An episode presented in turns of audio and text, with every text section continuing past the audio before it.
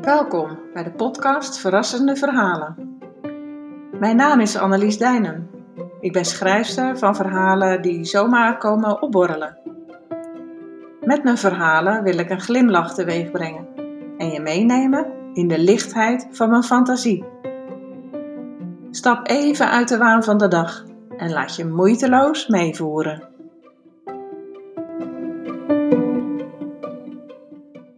Luistert naar aflevering 18, Nippers. Ik ben nog lang niet zo oud als Hans Vervoort, maar toch. Gniffelend van herkenning bij het lezen van zijn nippers kwamen ook wat van mijn nippers naar boven. Een nipper is op het nippertje geredde kennis van dingen die uit het collectieve geheugen zijn verdwenen. Mensen of dingen die we niet meer kennen, dus. Vervoort heeft daar een encyclopedie van gemaakt. Encyclopedie? Is dat inmiddels ook niet een nipper? Op Facebook zie ik wel eens plaatjes langskomen van cassettebandjes, een handtypemachine of klikklakballen. Allemaal dingen die mijn kleinkinderen niet kennen. Nou, misschien op dat ene kleinkind na, wiens moeder graag in de 60 spullen struint. Allemaal nippers. Enkele van mijn nippers concentreren zich in en om het huis waar wij woonden toen onze oudste twee dochters werden geboren. Een zelfs voor die tijd zeer ouderwets huis en juist daarom zo aantrekkelijk voor ons. Want ook wij houden van oude meuk. Mijn lief knapte oude kasten op en tikte hier en daar nog wel eens een kolenkit of iets dergelijks op de kop. Ons huis was een en al nipper en hoewel we nu in een comfortabel en modern huis wonen, staan er hier en daar nog steeds nippers. De kolenkit gebruikten we toen ook echt. Niet als paraplubak zoals nu, maar om kolen in te doen en het kolenfornuis in de keuken mee te vullen. Als we dat fornuis stookten, kon je zeker zijn van een dikke laag vet zwart fijnstof door het hele huis. En af en toe een dikke rookwolk als de wind weer eens in de verkeerde hoek zat. Het is een wonder dat we nog leven maar gezellig warm was het. Het granieten aanrechtje op poppenhoogte, nipper alert, vervingen we door een modern wit keukenblok met RVS wafelblad. Zonde van deze nipper vonden we dat, maar het was te laag voor mijn bijna twee meter lange lieverd. Ook wilden we graag warm water, wat er tot dan toe niet was geweest. Het kraantje met een plastic slangetje eraan kon open en dicht en er kwam alleen koud water uit. Dus er kwam een keukengijzer en een mengkraan. Het gasnet had waar wij woonden nog niet bereikt. Daarom gebruikten we flessengas om de gijzer te laten branden. Hans Vervoort meldde in een van zijn nippers dat hij op een zwarte dag in zijn leven eens lange tijd op een bevroren gasfles had gezeten, totdat deze voldoende was ontdooid om de kachel aan te kunnen steken. Ik zie hem zo zitten, leedvermaak. Wij hebben dat nooit hoeven doen, want wij hadden altijd nog onze kolenkachel en petroliekachel die het huis voldoende opwarmde om de gasfles te laten ontdooien. De gasfles stond normaal gesproken buiten, maar we sleepten hem naar binnen als het vroor net om de hoek van de deur in het halletje. Ja, het vroor nog in die jaren en met regelmaat werd er een plassentocht, helaas ook een nipper, geschaatst bij ons achter. Er was geen douche in ons huis. Ook zo'n nipper, een huis zonder douche. We maakten daarom een douche in het halletje, meteen achter de voordeur en naast de wc. In die hal was geen verwarming, dus in de winter hingen de pegels aan je kont op het toilet. Je zat er bepaald niet voor je lol, als je al durfde te gaan zitten op die ijzige bril. Als het vroor, stond de keukendeur open om te zorgen dat de waterleiding niet zou bevriezen. En dat lukte net. Een aansluiting op de riolering was er niet. Er lag een gresbuis die zo de plas inliep. Nog een nipper. Als we geluk hadden, bevroor die niet.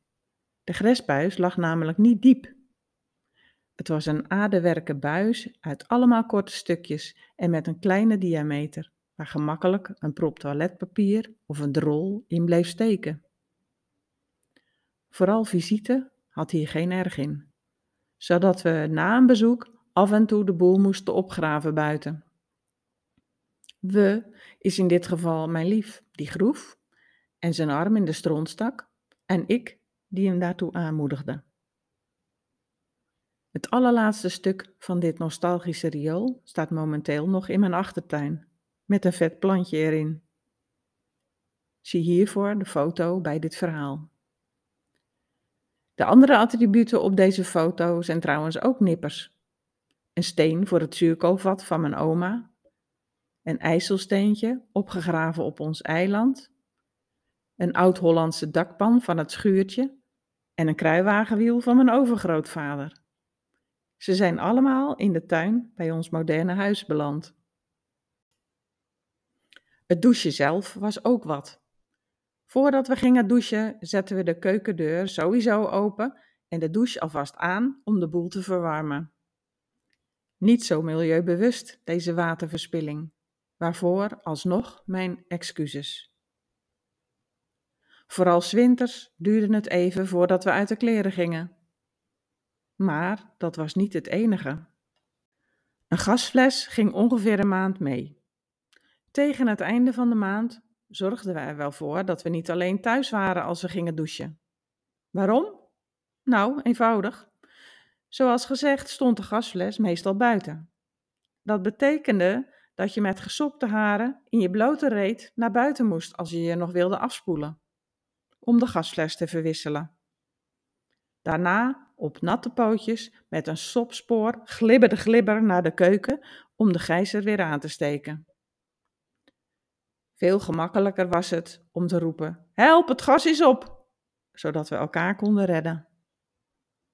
En toch verraste die gasfles ons regelmatig. Weet je hoe het voelt als plotsklaps de straal ijskoud is en je geen ruimte hebt om weg te springen? Ik wel. Roepen, help, het gas is op, was dan overbodig. De ijselijke gil zei genoeg.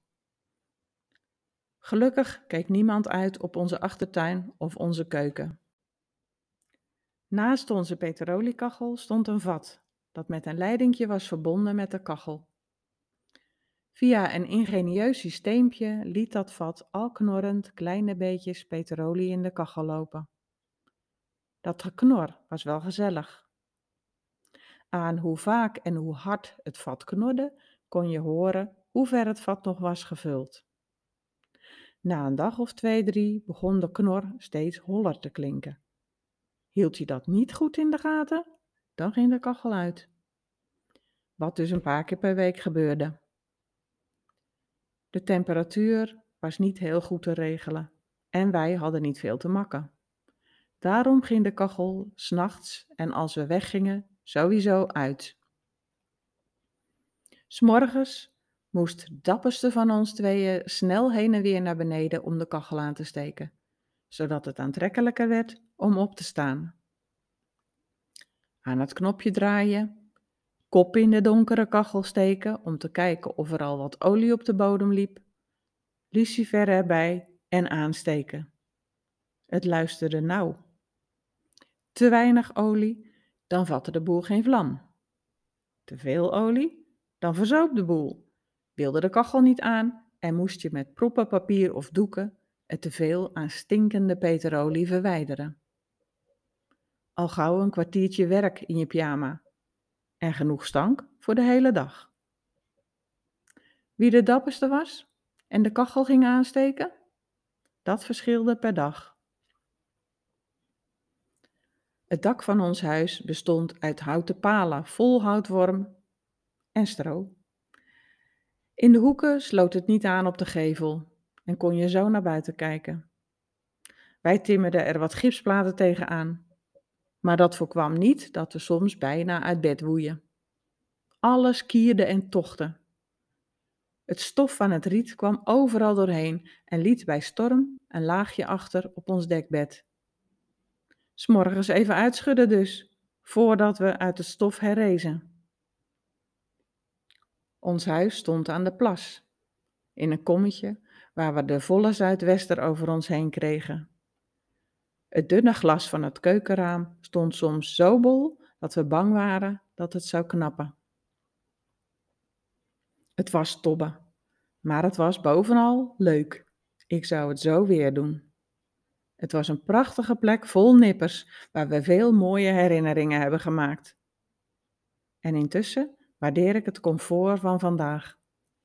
Mijn vloerverwarmde huis, de nimmer eindigende straal warm water en de aansluiting op de riolering.